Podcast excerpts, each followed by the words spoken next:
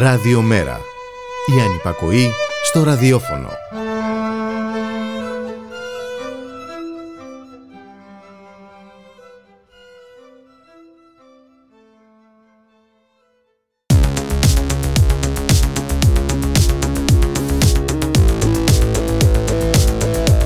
Άλλο ένα παραλαφούσι ξεκινάει με την Πάολα Ρεβενιώτη. Στην αρχισυνταξία ο Τάκης Κουρκουρίκης και στον ήχο η Χαρά Στόκα.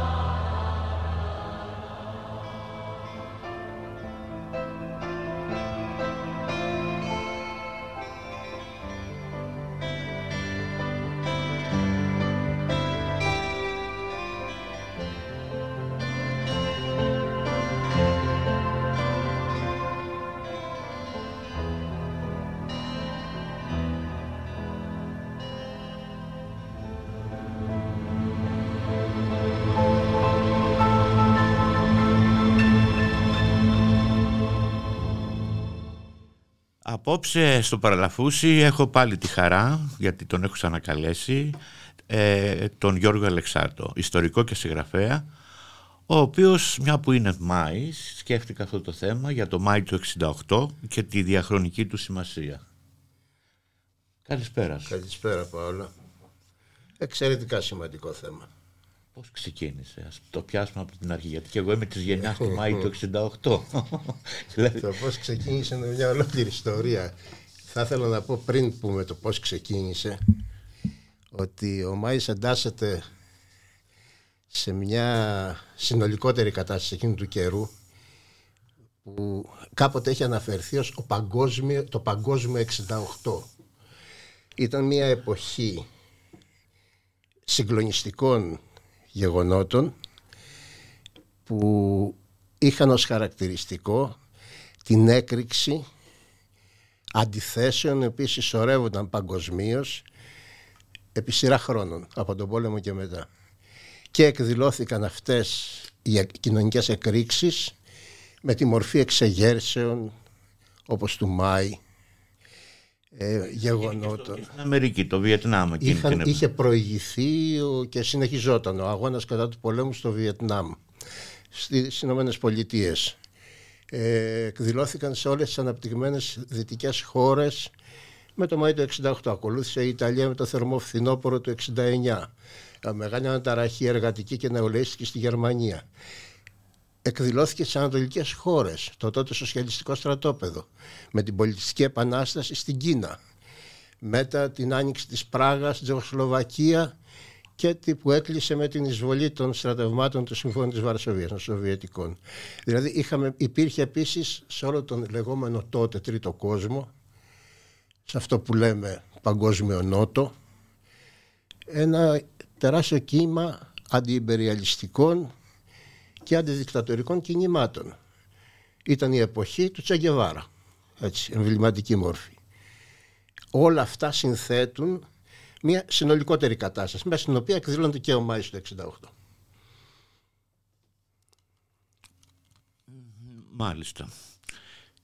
Ποια ήταν τα μηνύματα τα οποία τα, το, τον έκαναν ξεχωριστό από ο, ναι, κοίταξε. Και αυτό επίσης θα το δούμε σε σύνδεση με το συνολικότερο κλίμα της εποχής. Είναι μια εποχή στην οποία η νεολαία η νεολαία του, της δεκαετίας του 60 και εκείνων των χρόνων να σκέφτομαι οι 20 του 68 ήταν αυτοί που γεννήθηκαν λίγο μετά τον, τον πόλεμο. Ε, ζούνε σε κοινωνίες, στις, μια και μιλάμε για Γαλλία πλέον, στις αναπτυγμένες καπιταλιστικές κοινωνίες, σε μια σχετική ευμάρεια, τότε γίνεται λόγος για πρώτη φορά για καταναλωτισμό, με τη μόνη διαφορά ότι οι κοινωνικές σχέσεις, το εκπαιδευτικό σύστημα, η σχέση μεταξύ των δύο φύλων και της σεξουαλικής διαφορετικότητας. Όλα αυτά υπολείπονται, βρίσκονται πολύ πίσω σε σχέση με άλλες εξελίξεις που έχουν γίνει. Ε, να φέρω ένα παράδειγμα, η επανάσταση του ροκ. Έτσι, από τη δεκαετία του 50 και μετά, που γιγαντώνεται και επεκτείνεται παγκοσμίως στη δεκαετία του 60 συνοδεύεται από εκρήξεις και αλλαγές νοοτροπίας στις συνήθειες, στα αντισήματα σε όλα και αμφισβήτηση της εξουσίας σε κάθε επίπεδο. Στην εκπαίδευση, στο ίδιο το σπίτι, στις σχέσεις. Στο... Όλα η κατάσταση που βίωναν οι νέοι εκείνου του καιρού ήταν σε αναντιστοιχεία με τις δυνατότητες που είχαν και με αυτό που οι ίδιοι θα θέλαν να ζήσουν. Οπότε υπάρχει ένα στοιχείο, είναι αυτό, το κοινωνικό οι νέες νοοτροπίες, άλλες αντιλήψεις για τη, για τη ζωή. Μιλήσαν και για σεξουαλικότητα που δεν, ακριβώς, ακριβώς. Που δεν τότε είχαν μιλήσει πιο προφανώς. πριν. Τότε αρχίζουν τα, να, αρχίζει να αχνογράφεται για πρώτη φορά ε, το λεγόμενο δεύτερο κύμα του φεμινισμού το οποίο θέτει όχι πλέον το δικαίωμα της ψήφου που έθεταν παλιά και το δικαίωμα των ίσων πολιτικών δικαιωμάτων της γυναίκας το ζήτημα των κοινωνικών δικαιωμάτων το ζήτημα της, απελευθε... της σεξουαλικής της απελευθέρωσης της κατάργησης της ε, πατριαρχίας και της ανδροκρατίας κλπ. Όλα αυτά δημιουργούν ένα εκρηκτικό μείγμα σε συνδυασμό με αυτή την παγκόσμια κατάσταση που ε, εντελώς σε γενικές γραμμές περιέγραψα προηγουμένως με την έκρηξη πολιτικών αντιθέσεων προκύπτει ο Μάης του 68 στη Γαλλία. Ας ακούσουμε ένα τραγούδι και συνεχίζουμε.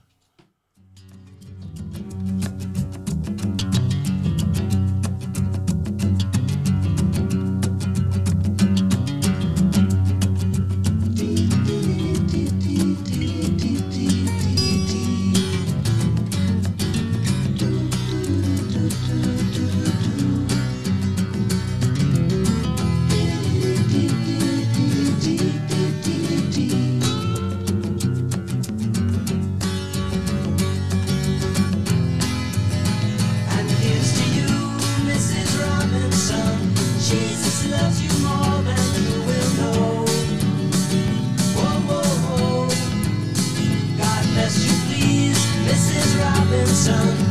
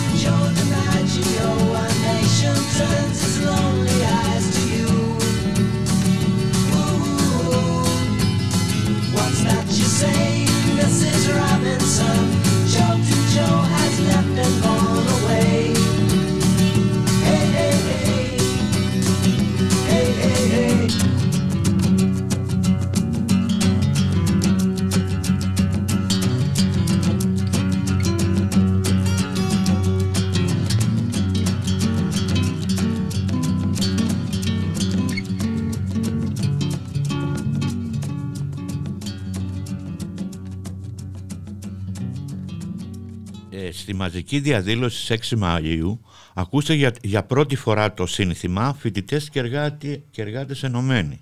Πρέπει να ήταν άνευ προηγουμένο αυτό που συνέβη. Αυτός ο συντονισμός εργατών και φοιτητών. Ναι, κοίταξε, υπάρχει ένα ζήτημα το- ε, που έχει πολύ μεγάλη σημασία.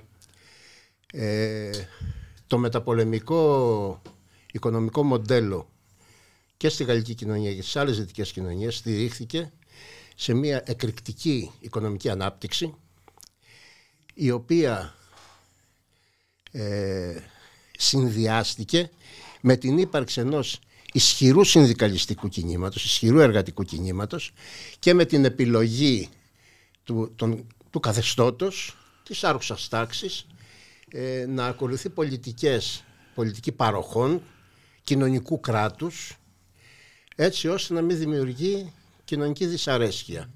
Όμως παρόλα αυτά ε, το χάσμα που είχε δημιουργηθεί ανάμεσα στους ρυθμούς ανάπτυξης και στο επίπεδο ζωής των εργαζομένων ήταν τεράστιο.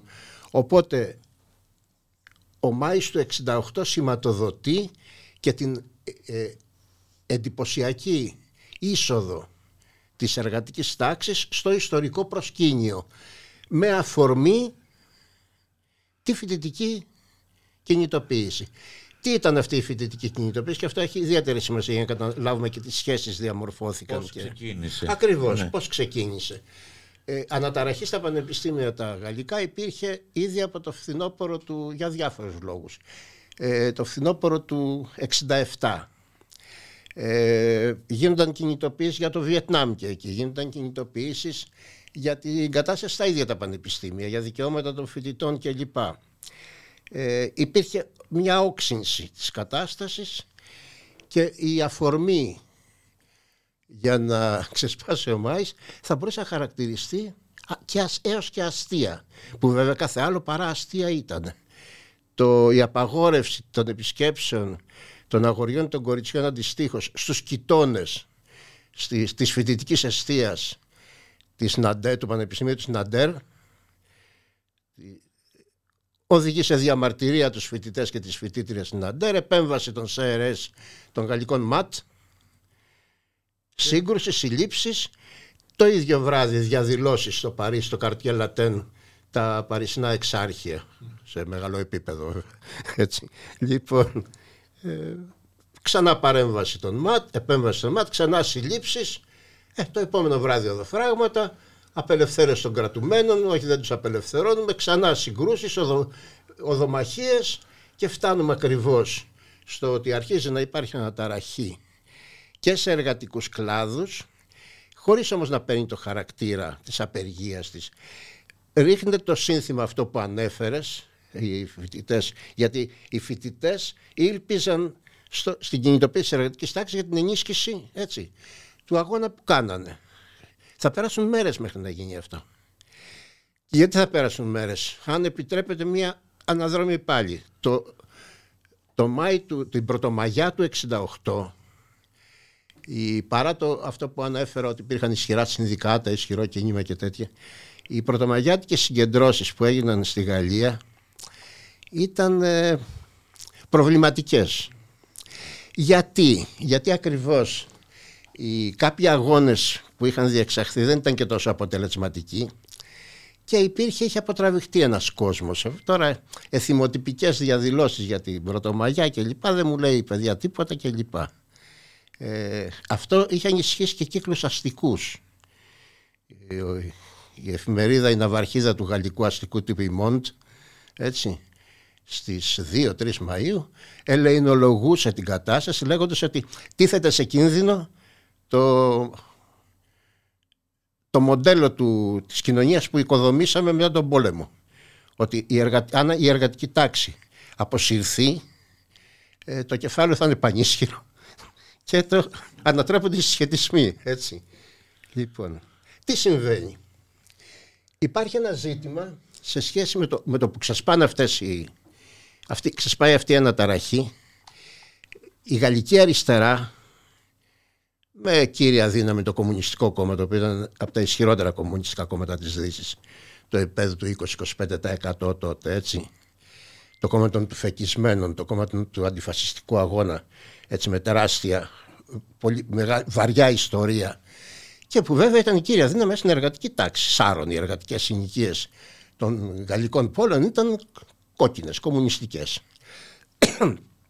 το Κομμουνιστικό Κόμμα είναι επιφυλακτικό απέναντι στις φοιτητικές κινητοποιήσεις. Γιατί συγγνώμη, ένα πρώτο δεν τις ελέγχει δεν κατευθύνονται από αυτό, δεν τις προγραμμάτισε το ίδιο. Ένα δεύτερο εκεί το αυθόρμητο αξιοποιείται από ομάδες της εξοκοινοβουλευτικής αριστεράς ε, τροτσκιστικές και μαοικές οι οποίες αποτελούσαν βέβαια κόκκινο πανί για το Κομμουνιστικό Κόμμα. Και όλο αυτό το πράγμα το, του προκαλούσε μια από αμηχανία σε εχθρότητα. Να μου, θα μου επιτραπεί ένα ιστορικό ανέκδοτο. Στην Ελλάδα έχουμε δικτατορία. Στο Παρίσι ζουν δεκάδες και εκατοντάδες Έλληνες, εκατοντάδες Έλληνες πολλοί από τους οποίους είναι και αντιδικτατορικοί που έχουν φύγει έτσι. Είναι αυτοεξόριστοι στο... Σε ένα από τα καφενεία που μαζεύουν τα καφέ εκεί που... και τα μπιστρό που μαζεύονται οι Έλληνες και κλαίνουν τη μοίρα τους σκοπό η πατρίδα και λοιπά και παίζουν τάβλη και βουρκώνουν εμφανίζεται ένας με την εφημερίδα που γράφει άγριες συγκρούσεις το βράδυ στο Παρίσι, χτες το βράδυ και αυτό και τ' άλλο και αναφέρεται για, συναντέρ για τους κοιτώνες και τέτοια. Αυτός που κρατάει την εφημερίδα, η εφημερίδα είναι η Ουμανιτέ, η εφημερίδα του Κομμουνιστικού Κόμματος, που καταλήγει ότι αυτά είναι αδιέξοδα και είναι αυτό και είναι το άλλο. Αυτός που κρατάει την εφημερίδα είναι Έλληνας κομμουνιστής, αγωνιστής ο άνθρωπος, έτσι δεν... Ο οποίος όμως με την αντίληψή του, κολυγιανικός, είχε γίνει διάσπαση του Κουκουέ, ε, ήταν από την τάση η οποία ανασυγκρότησε το κουκουέ που ξέρουμε σήμερα. Φιλοσοβιετικός κλπ. Και, και λέει τα κολόπεδα κάνουν επανάσταση για να γάμισουν. Εκεί είναι και ένας που προέρχεται από το αριστερό κίνημα, το φοιτητικό κλπ. Διανοούμενο τη εποχής, ο οποίος ήδη έχει προσχωρήσει στην Ορθοδοξία. Ο Στέλιος Ράμφος, γνωστός έτσι. Ναι. Συντηρητικός κλπ. Ήδη από τότε έχει αρχίσει απευθυνόμενος ο, συντηρη... ο, νεοφιλ... ο νεοορθόδοξος που ρέπεις στην Ορθοδοξία, δεν έχει συγκροτηθεί ακόμα ως ρεύμα, νεοσυντηρητικός απευθυνόμενος στον κομμουνιστή και του λέει και λίγο το έχεις. Ας ακούσουμε άλλο ένα τραγούδι και συνεχίζουμε.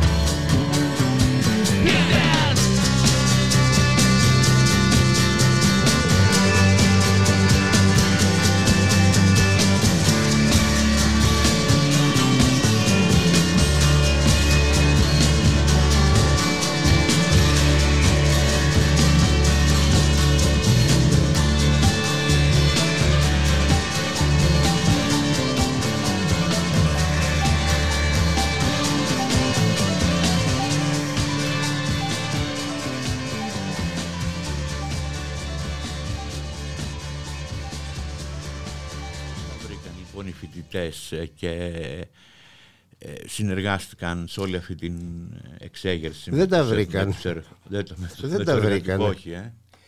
Τι έγινε. Απλώς διαμορφώθηκε μια κατάσταση έντασης τέτοιας, να καίγεται το Παρίσι κάθε βράδυ, με εκατοντάδες συλλήψεις, με ασυδοσία της αστυνομίας. Είχε φτάσει σε σημείο, έγινε μια ε, δημοσκόπηση πρόχειρη, νομίζω γύρω στις 10-12 του, του Μαΐου, όπου το 65 περίπου τα 100 των κατοίκων του Παρισιού τάχθηκε υπέρ των φοιτητών. Οπότε υπήρχε ένα κλίμα πλέον. Και άρχισε τότε να εντείνεται η αναταραχή στις εργατικές, στα- στους εργατικούς χώρους και μάλιστα στα εργοστάσια, στα οποία οι αριστεριστές, τροτκιστές, μαοικοί κλπ. δεν είχαν καμία επιρροή, δεν είχαν πρόσβαση, είχαν αποκλειστικά και μόνο στους φοιτητικούς χώρους. Εκεί είπαμε, ελέγχονταν πλήρως από το Κομμουνιστικό Κόμμα, της ΕΖΕΤ, πανίσχυρο συνδικάτο και υπήρχαν και άλλες συνδικαλιστικές οργανώσεις, ο Σοσιαλιστικός FDT και λοιπά και χριστιανικά συνδικάτα και τέτοια, τα οποία όμως επηρεαζόταν από το συνολικότερο κλίμα της, της απεργιακής κινητοποίησης. Τις επέβαλαν οι ίδιοι οι εργάτες οι οποίοι θεώρησαν ότι είναι ιδανική η κατάσταση με το κλίμα το γενικότερο, της γενικότερης αναταραχής να μπουν και αυτοί στο παιχνίδι ε, και το, το αποδέχτηκε το Κομμουνιστικό Κόμμα. Το αποδέχτηκε γιατί ξέ, ήξερε πάρα πολύ καλά ότι θα μπορούσαν να δημιουργηθούν ρήγματα στις σχέσεις του με την εργατική τάξη και δεν υπήρχε λόγος. Αφού θα μπορούσε θαυμάσια να ελέγχει αυτό τις εξελίξεις πλέον και ορίζει και σε αυτό συμφωνούν και τα σοσιαλιστικά και τα χριστιανικά συνδικάτα. Έτσι. Αλλά μπαίνοντας επικεφαλής σε ΖΕΤΕ, μιλάμε για ένα πανίσχυρο συνδικάτο το οποίο κινητοποιούσε 10 εκατομμύρια κόσμο, έτσι δεν ήταν. Την τεράστια πλειονότητα της εργατικής τάξης τη Γαλλίας. Και μάλιστα τα πιο, σκλη- τα πιο ι- ισχυρά τμήματά της, αυτοκινητοβιομηχανία, μέταλλο, έτσι. Η, απε, και κι- κηρύσσεται η γενική απεργία για τις 14 Μαΐου και 14 Μαΐου νεκρώνει η Γαλλία. Εκεί πλέον η φοιτητική διαμαρτυρία παίρνει τη μορφή της εξέγερσης. Μιας εξέγερσης πανεθνικής με την έννοια ότι εξαπλώνεται από τη Μασαλία μέχρι το Καλέ και μέχρι τη, τη Βρετάνη έτσι με κέντρο το Παρίσι και τα βιομηχανικά κέντρα της και πλέον ο μεγάλος όγκος αυτών που έχουν μπει στον αγώνα είναι η εργατική τάξη. Συνθήματα του Μάη του 68 που τα ξέρουμε ακόμη και σήμερα. Για να σου κάνω την άλλη την ερώτηση νομίζω που είχε πει ο, ο ΕΚΟ. Ναι, εδώ ναι. Είχε πει ότι δεν μιλάμε ε, για πραγματική επανάσταση. Είναι η πιο εκπληκτική απομίμησή της που έγινε ποτέ. Ναι, κοίταξε να δεις. Ε, κανένας δεν μίλησε για επανάσταση. Ε, κάποιες αριστερίστικες οργανώσεις έλεγαν ότι μπορεί να αποτελέσει το πρόπλασμα, το προήμιο μιας επανάστασης. Αλλά κανένας δεν είπε ότι αυτή την, αυτό τον καιρό γίνεται στη Γαλλία επανάσταση ε, από την αριστερά και από το κίνημα. Από τη δεξιά μίλουσαν για επανάσταση, είχαν πανικοβληθεί. Έτσι, δηλαδή το, οι αστικές εφημερίδες Φιγκαρό και λοιπά έλεγαν ότι ζούμε την Πολσεβίκη επανάσταση στην αυτό, η, η Γαλλία του 68 είναι η Ρωσία του 17 και διάφορα τέτοια. Φοβήθηκαν έτσι. δηλαδή. Φοβήθηκαν, ε, πανικός, πανικός. Όταν μάλιστα κάψαν το νομίζω 27 Μαΐου, πότε ήταν, δεν είμαι βέβαιος, κάει και το χρηματιστήριο του, του Παρισιού, έτσι ε, θύμισα, θυμήθηκαν την Κομούνα, όπου η Κομούνα δεν είχε κάψει το χρηματιστήριο της τράπεζας, τα σεβότανε. Σεβόταν τα ιδρύματα τα οποία θα παίρνουν στον έλεγχο της εργατικής τάξης αύριο. Παρεμπιπτόντως έτσι. Και... Λοιπόν, ο Μάης το, το έκανε αυτό. Ε, τι συνέβαινε; Ήταν εξέγερση. Ήταν εξέγερση η οποία είχε χαρακτηριστικά που θύμιζαν επανάσταση. Με την έννοια δηλαδή ότι τέθηκαν από σημαντικά τμήματα εξεγερμένων, κυρίως στο φοιτητικό χώρο και στη διανόηση, τέθηκαν ζητήματα κοινωνικού μετασχηματισμού, ανατροπής του καπιταλισμού τα οποία όμως δεν εντάσσονταν σε ένα συνεκτικό πρόγραμμα. Δεν είχε κανένας ούτε οι ομάδες αυτές οι οργανώσεις. Όταν λέμε τώρα οργανώσεις τροτσκιστικές ή μαοϊκές, μιλάμε για μερικές χιλιάδες μέλη κάθε μια. Έτσι. Δεν ήταν, δεν ήταν γκρούπες των 100, των 500, των 1000 ατόμων. Ε, ούτε και αυτές είχαν. Γιατί ούτε αυτές είχαν προβλέψει την εξέγερση. Ό,τι συνέβη με εμάς με το Πολυτεχνείο το 1973. Γίνεται κάτι το οποίο στο οποίο συμμετέχεις. Αλλά δεν μπορείς να ελέγξεις πώς θα Δεν καταλήξεις. λέει, γιατί δεν το έχεις προβλέψει καν, άρα δεν το έχεις προγραμματίσει, άρα δεν έχεις σχεδιασμό του τι θα κάνεις με αυτό το πράγμα. Από την άλλη ήταν το Κομμουνιστικό Κόμμα, το οποίο μπαίνοντας στη μάχη συσπηρώνει τον κόσμο του. Τώρα σύντροφοι αγωνιζόμαστε, πώς αγωνιζόμαστε, με το κόμμα μπροστά, η ΣΕΖΕΤΕ μπροστά, έτσι, γενική απεργία. Δεν μπορούσε κανένας, πήγαινε, μπορεί να λέγει ο αριστεριστής, ε, ο σύντροφος, ο αγωνιστής από τροτσκιστής, μαοϊκός, οποιοδήποτε αναρχικοί κύκλοι υπήρχαν και να έλεγε το κομμουνιστικό κόμμα ξεπουλάει τον αγώνα γιατί δεν θέτει το ζήτημα της, καπιταλ... της αντικαπιταλιστικής ανατροπής ε, ο εργάτης πείθονταν από τον κομμουνιστή που του έλεγε ότι εμείς έχουμε κάνει γενική απεργία όμως έτσι. Αυτή τη στιγμή η Γαλλία ε, μας επιτίθενται οι άλλοι ότι είμαστε αντεπαναστάτες αλλά εμείς κάνουμε γενική απεργία στη Γαλλία. Οπότε ποιος θα έπιθε, μάλλον ο, ο κομμουνιστής. Και πείθοντας ο κομμουνιστής καθόρισε και τις εξελίξεις στη συνέχεια. Και οι εξελίξεις στη συνέχεια ήταν ποιες. Για. Είναι ότι πανικόβλητη αστική τάξη, ο κρατικός μηχανι... τα- το κρατικό επιτελείο, το κυβερνητικό επιτελείο, Ντεγκόλ και οι άλλοι που κυβερνούσαν. Αυτό που στην αρχή επέλεξαν ως ε, πολιτική ήταν η καταστολή. Άγρια καταστολή. Ε, Και όμως δεν υπήρχαν νε- νεκροί στο Μάη. υπήρξαν τέσσερις νεκροί. Τέσσερις νεκροί. Υπήρξαν Ε. τέσσερις. Δύο εργάτες και δύο νέοι υπήρξαν νεκροί. Ε, δεν υπήρχε όμως, εντάξει δεν έγινε αιματοχυσία, δεν έγινε αιματοκύλισμα τέτοιο που θα αντιστοιχούσε σε μια τέτοια έκρηξη. Και, γιατί και αυτοί ε, ακριβώς επειδή ήταν πανικόβλητοι, ήταν και ανήσυχοι μπροστά στις εξελίξεις. Ξέραν πάρα πολύ καλά ότι αν υπάρξει αιματοκύλισμα, ενδεχομένως να χάναν και την εξουσία. Ενδεχομένως το ΚΚ να μην αρκούνταν, να, μην, να πιέζονταν από τον ίδιο τον κόσμο του. Έτσι, στο, στη γενική απεργία. Να διεκδικούσε και έτσι. Οπότε δεν το ρίσκαραν εκεί. Είχαν όμως σχέδιο, το οποίο έφτανε μέχρι και την κινητοποίηση του στρατού. Δεν, δεν έγινε αυτό. Έτσι. Ο στρατός προετοιμάστηκε για, για επέμβαση. Δεν χρειάστηκε. Και δεν χρειάστηκε γιατί. Φρονίμως ποιούντες τι κάνανε. Θα υποχωρήσουμε στα εργατικά αιτήματα, να αποσυρθεί η εργατική τάξη από τον αγώνα. Για να αποσυρθεί η εργατική τάξη θα πρέπει να νιώθει ότι κάτι έχει κερδίσει. Ότι από αυτόν τον αγώνα κέρδισε. Αλλιώς δεν έχει λόγο το ΚΚ. Πώς θα την πείσει το ΚΚ να αποσυρθεί. Και επίσης να δώσουμε στο ΚΚ, στο Κομμουνιστικό Κόμμα, ε, τη δυνατότητα να, βγαίνει, να μπορεί να πει ότι εγώ νίκησα με τον αγώνα μου. Αυτό δεν σημαίνει ότι οι κομμουνιστές συνεργάστηκαν με τους γκολικούς με τη δεξιά. Ο καθένας δούλευε, δεν έγινε καμιά συμφωνία. Ο καθένας δούλευε για πάρτι του. Το, η μεν δεξιά, το καθεστώς, για να διατηρηθεί το καθεστώς και να αντιμετωπιστεί η εξέγερση, μην πάρει το χαρακτήρα επανάστασης. Οι δε κομμουνιστές για να διατηρήσουν τον έλεγχό τους, την κυριαρχία τους στην εργατική τάξη και έχει πολύ μεγάλη σημασία να μην οδηγηθεί η κατάσταση σε ανεξέλεκτες εξελίξεις που δεν ξέρεις τι μπορεί να, φέρουν, να, να έφερναν. Δηλαδή υπήρχε ο φόβος ότι ενδεχομένως εμείς αν ρίξουμε τα συνθήματα, συνθήματα αντικαπιταλιστικά μπορεί να κινηθεί ο στρατός και να εμπλακούμε σε έναν εμφύλιο πόλεμο από τον οποίο αυτά δεν είναι, δεν είναι αστεία ή επειδή δεν συνέβησαν Θα μπορούσαν όμως. αν, αν συνέβαιναν.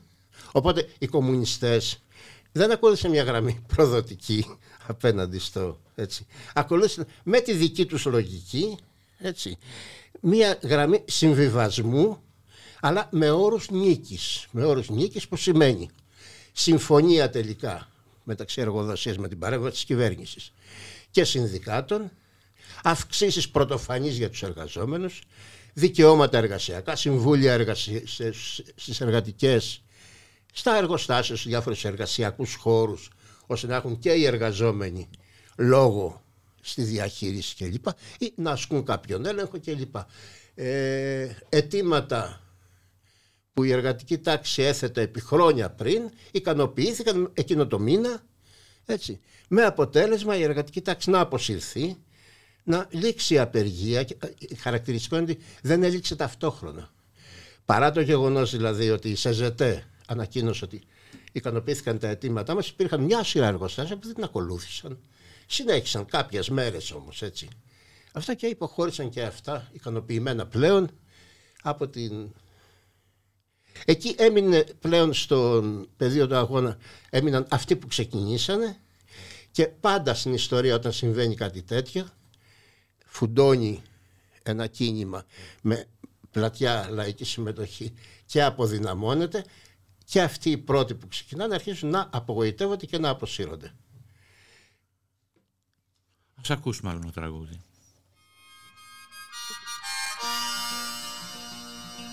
Anche se il nostro omaggio ha fatto a meno del vostro coraggio. Se la paura di guardare vi ha fatto chinare il mento. Se il fuoco ha risparmiato le vostre millecento, anche se voi vi credete assolti, siete lo stesso coinvolti.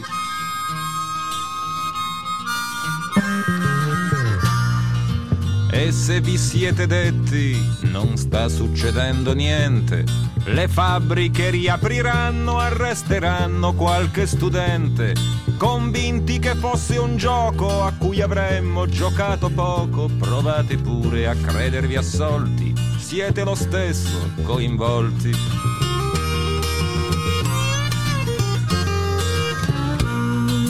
Anche se avete chiuso le vostre porte sul nostro muso, la notte che le pantere ci mordevano il sedere, lasciandoci in buona fede massacrare sui marciapiede, anche se ora ve ne fregate, voi quella notte voi c'eravate.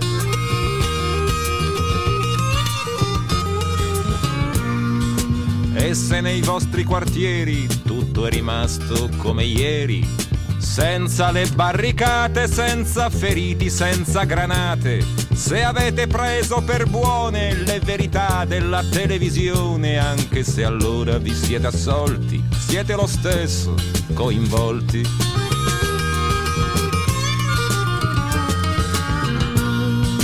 E se credete ora che tutto sia come prima, perché avete votato ancora la sicurezza, la disciplina, convinti di allontanare la paura di cambiare, verremo ancora alle vostre porte e grideremo ancora più forte. Per quanto voi vi crediate assolti, siete per sempre coinvolti, per quanto voi vi crediate assolti, siete per sempre coinvolti.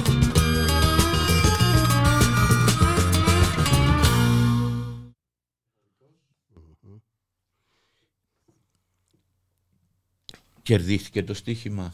Γιατί βλέπουμε ότι στις εκλογές εκείνης της χρονιάς επικράτησε ο Ντεγκόλ και η δεξιά κατά κράτος. Κοίταξε, στην... είναι χαρακτηριστικό, δεν είναι αποκλειστικά και- ιδιαίτερο φαινόμενο της Γαλλίας και μάλιστα εκείνης της ιστορικής στιγμής.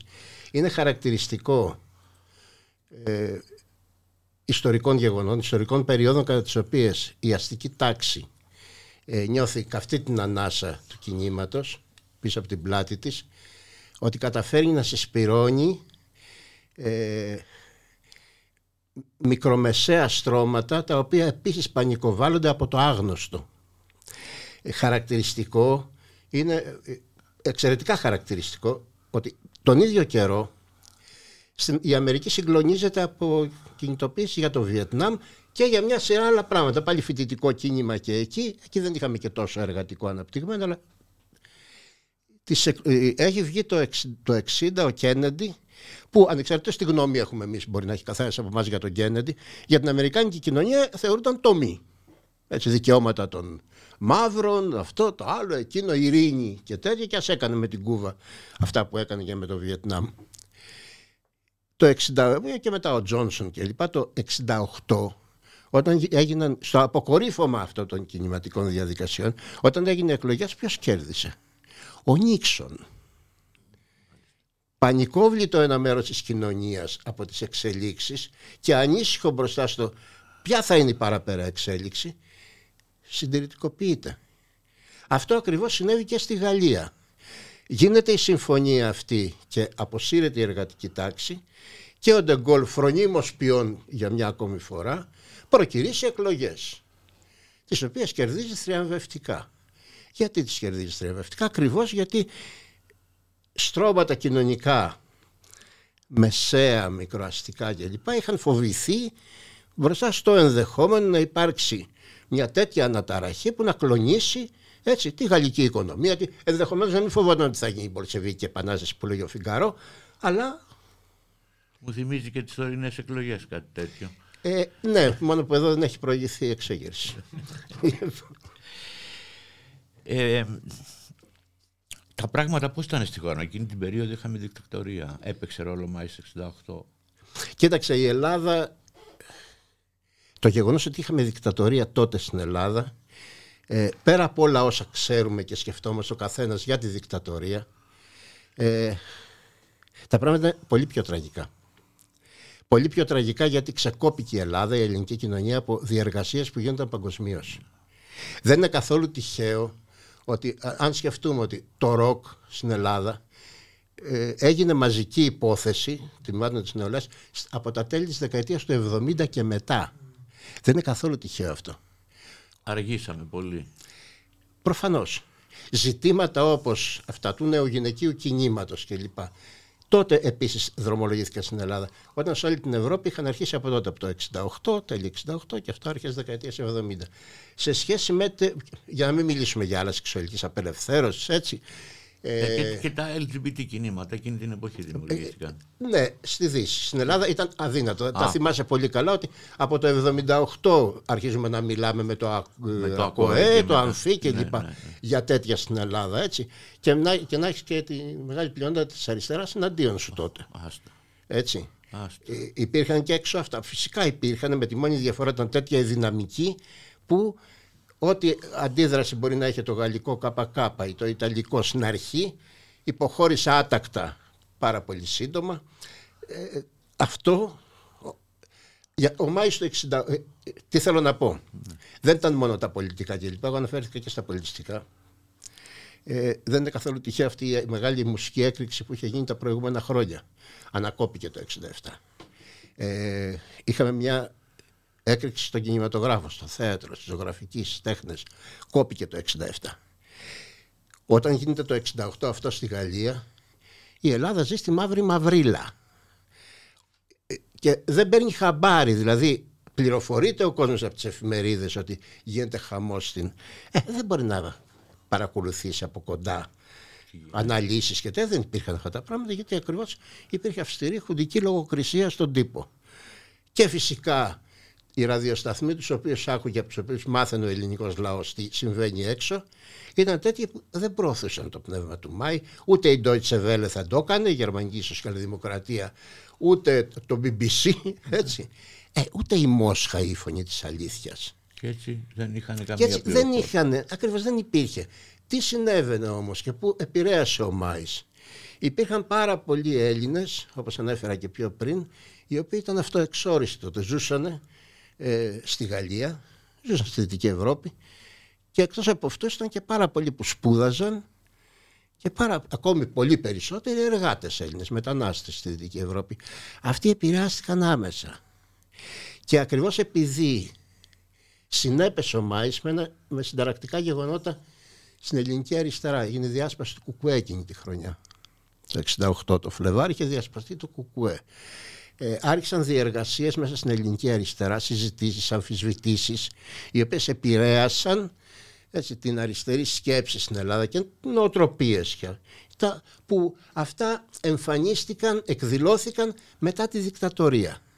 Δυστυχώς το γεγονός ότι είχαμε εμεί τη δικτατορία και τελειώνω εδώ, αλλά έχει πολύ μεγάλη σημασία. Είναι πολύ καλή ερώτηση αυτή. Ποια ήταν η σχέση με την Ελλάδα, ε, η δικτατορία συνέβαλε και σε κάτι άλλο πολύ καθοριστικό. Στην ποιότητα των αντιθέσεων. Εκεί δηλαδή που μπορούσαν να, τε- μπορούσαν να τεθούν αντικαπιταλιστικά προωθημένα ζητήματα και ζητήματα καθημερινής ζωής και κριτική στην καθημερινή ζωή κλπ. Ε, υποχρεωθήκαμε να μιλάμε κατά της δικτατορίας και των Αμερικάνων. Και καλά κάναμε, αυτό έπρεπε να κάνουμε βέβαια. Έτσι, το να μιλάς για την κα- κριτική στην καθημερινή ζωή με την πότα του, του συνταγματάρχη στο λαιμό δεν γίνεται. Έτσι και έπρεπε να τους ξεφορτώθουμε. Γι' αυτό στην Ελλάδα, και αυτό είναι πολύ χαρακτηριστικό και στο κρατήσουμε, στην Ελλάδα έχουμε έξι χρόνια μετά την επιβολή της δικτατορίας κάτι πρωτοφανές για οποιαδήποτε χώρα έζησε δικτατορία, εξέγερση, το Πολυτεχνείο, έχει χαρακτηριστικά του Μάη, κατάληψη σχολής, μπροστά η φοιτητική νεολαία, έτσι. Ε, παίρνει τα χαρακτηριστικά λαϊκής εξέγερσης με τη συμμετοχή της εργαζόμενης νεολαίας, μπορεί να μην είχαμε γενική απεργία, δεν υπήρχε και συνδικά, ήταν διαλυμένα, έτσι. Ε, και έχει χαρακτηριστικά του Μάη χωρίς τη θεματολογία του Μάη. Ακριβώς γιατί μας έκαιγε η απαλλαγή από τη δικτατορία και την Αμερικανοκρατία. Ας συνεχίσουμε με ένα τραγούδι.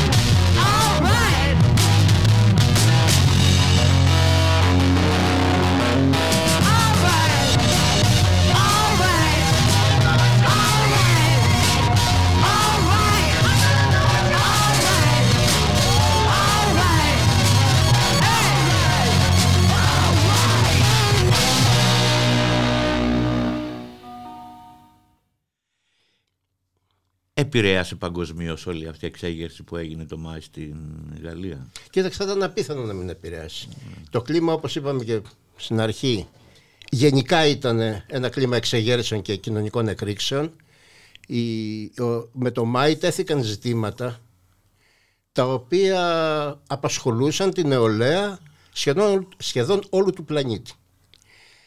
Ε, το γεγονός ότι υ- υπήρχε μια αντιστοίχηση με τα αιτήματα και τα ζητήματα που είχε θέσει το αμερικάνικο νεολαίστικο κίνημα εκείνα τα χρόνια. Ε, αντίστοιχα ζητήματα έθεταν, έθετε η γερμανική νεολαία, το γερμανικό, η γερμανική φοιτητική κυρίως νεολαία, αλλά και η εργαζόμενη νεολαία. Και εκεί που πήρε τεράστια έκταση ήταν η Ιταλία, στην, ο- στην οποία η Ιταλία κάπου είχα χρησιμοποιήσει τον τίτλο σε ένα άρθρο μου. Ο παρατεταμένος Μάης, ο οποίος στην Ιταλία κράτησε από το 67 μέχρι το 77, κράτησε μια δεκαετία. Γιατί, γιατί ακριβώς ήταν σταθερά στο προσκήνιο η εργατική τάξη, ήταν ένα κομμουνιστικό κόμμα εξαιρετικά έξυπνο και ευλίγιστο, το οποίο είχε μια δεξιά συμβιβαστική πολιτική, αλλά συνάμα άκουγε, άκουγε, προσπαθούσε να αφομοιώσει Και να έτσι, για να άκουγε μην- την κοινωνία. τους κραδασμούς του ακριβώς. Άκουγε την κοινωνία, τον κόσμο στον οποίο απευθυνόταν. Υπήρχαν ακροαριστερές οργανώσεις με μαζική γύρωση. Όταν μιλάμε για λότα κοντίνουα, ας πούμε, για μανιφέστο, για βαγκουάρδια, οπεράια, οι πιο μαζικές από αυτές. Μιλάμε για οργανώσεις που ήταν σε θέση να εκδίδουν καθημερινές εφημερίδες, έτσι. Μιλάμε για τέτοια. Εδερωμένα στα πανεπιστήμια, στα εργοστάσια και, και λοιπά. Λοιπόν, υπήρχε μια τέτοια και τα ζητήματα αυτά του Μάη, ο Μάης τι έθεσε; Ως προς την εργατική τάξη, το ότι η εργατική τάξη να συμμετάσχει στον παραγόμενο πλούτο με καλύτερους όρους και επίσης να συμμετέχει στον έλεγχο ή στη διαχείριση. Οι πιο σοσιαλδημοκράτες μιλούσαν για συνδιαχείριση. Οι πιο αριστεροί μιλούσαν για εργατικό έλεγχο, δυνατότητα να, έτσι, να ελέγχουμε την παραγωγική διαδικασία κλπ. Όλα αυτά συνδυάζονταν και με το κεντρικό πρόταγμα του Μάη το απαγορεύεται, το απαγορεύεται. Έτσι. Και η- η- είναι η άρνηση της εξουσίας κάθε είδους και της αυθεντίας. Η φαντασία στην Η εξουσία. φαντασία στην εξουσία. Έτσι. Ζητήματα τα οποία επηρέαζαν έτσι, τη φοιτητική νεολαία παντού, επηρέαζαν και την εργαζόμενη νεολαία. Κάτι που οι περισσότεροι αναλυτές, οι οποίοι δεν προέρχονται από την κομμουνιστική αριστερά και δεν έχουν μαρξιστική παιδεία, το αγνοούν, το παραβλέπουν, όχι γιατί είναι απαταιώνες οι άνθρωποι, γιατί δεν έχουν συνηθίσει να ασχολούνται με αυτό, με τη μόνη διαφορά ότι χωρίς και την εργαζόμενη νεολαία εκείνη του καιρού δεν θα είχαν γίνει αυτά. Οι κατακτήσεις του Μάη ποιες ήταν; Κοίταξε, ε, ένα πρώτο είναι ότι όλα αυτά που είπαμε σε σχέση με την εργατική τάξη τα οποία ε, τα ακολούθησε ταυτόχρονα, τα ακολούθησε. Γίνονταν ταυτόχρονα και σε μια σειρά άλλες χώρες. Η έκρηξη του Μάη υποχρεώνει και την αγγλική αστική τάξη η οποία η αγγλική αστική τάξη δεν έχει ζήσει ποτέ την αμφισβήτηση μέσα από μια εξέγερση έτσι.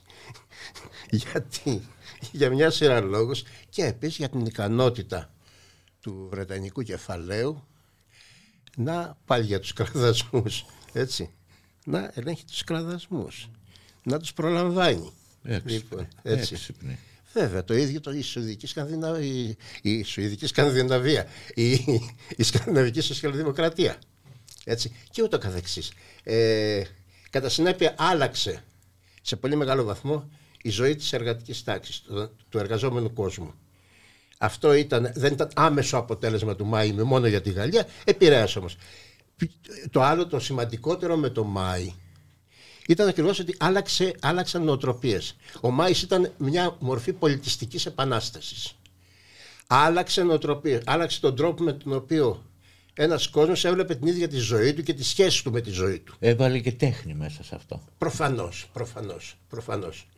Η έκρηξη επίσης νέων μορφών τέχνης συνδυάστηκε το ροκ έτσι το οποίο ήταν κουλτούρα μουσική και για τμήματα της εργατικής νεολαίας στις ΗΠΑ, στην Αγγλία κλπ.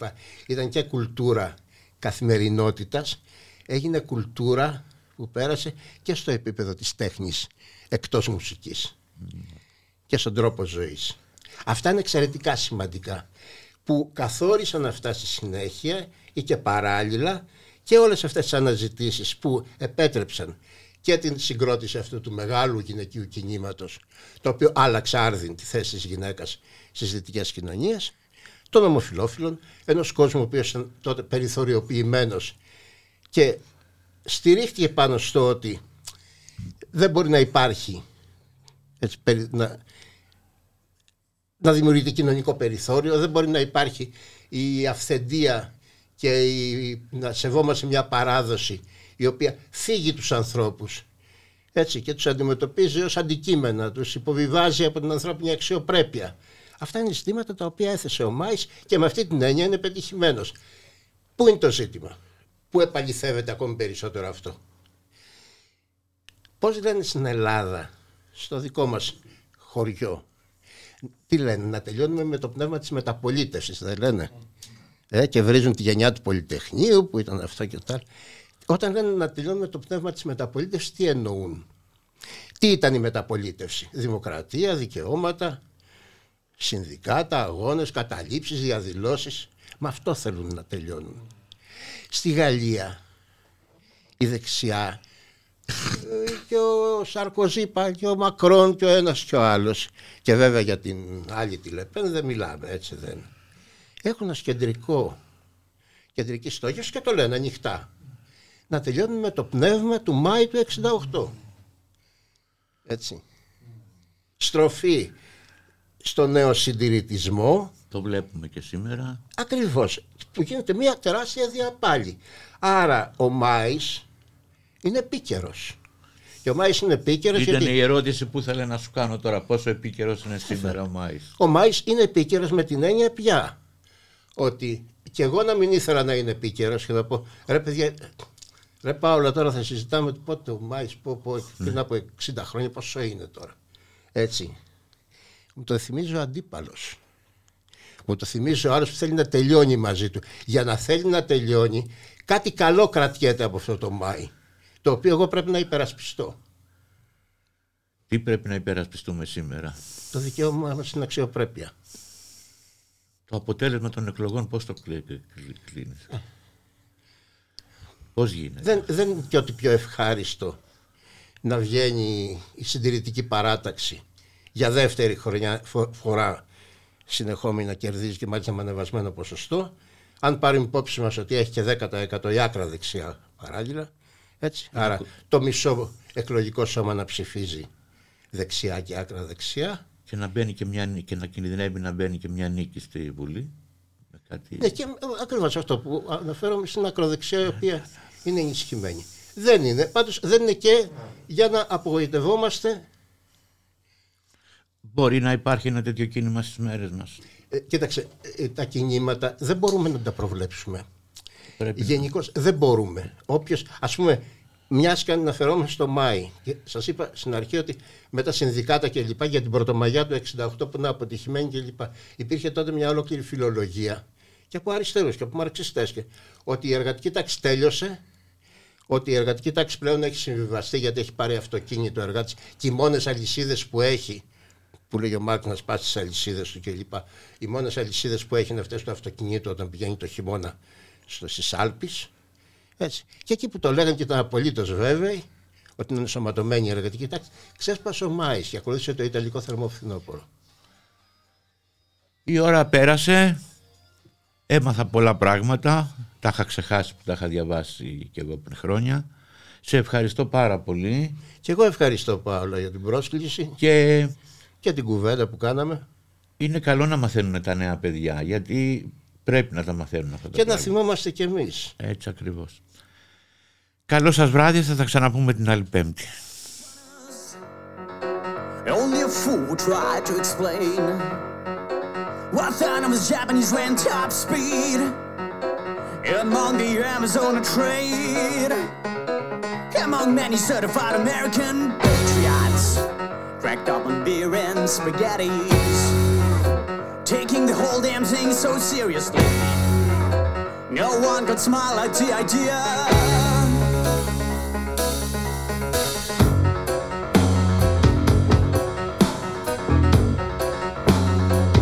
of an international reunion. Supposed to bring peace on a plate.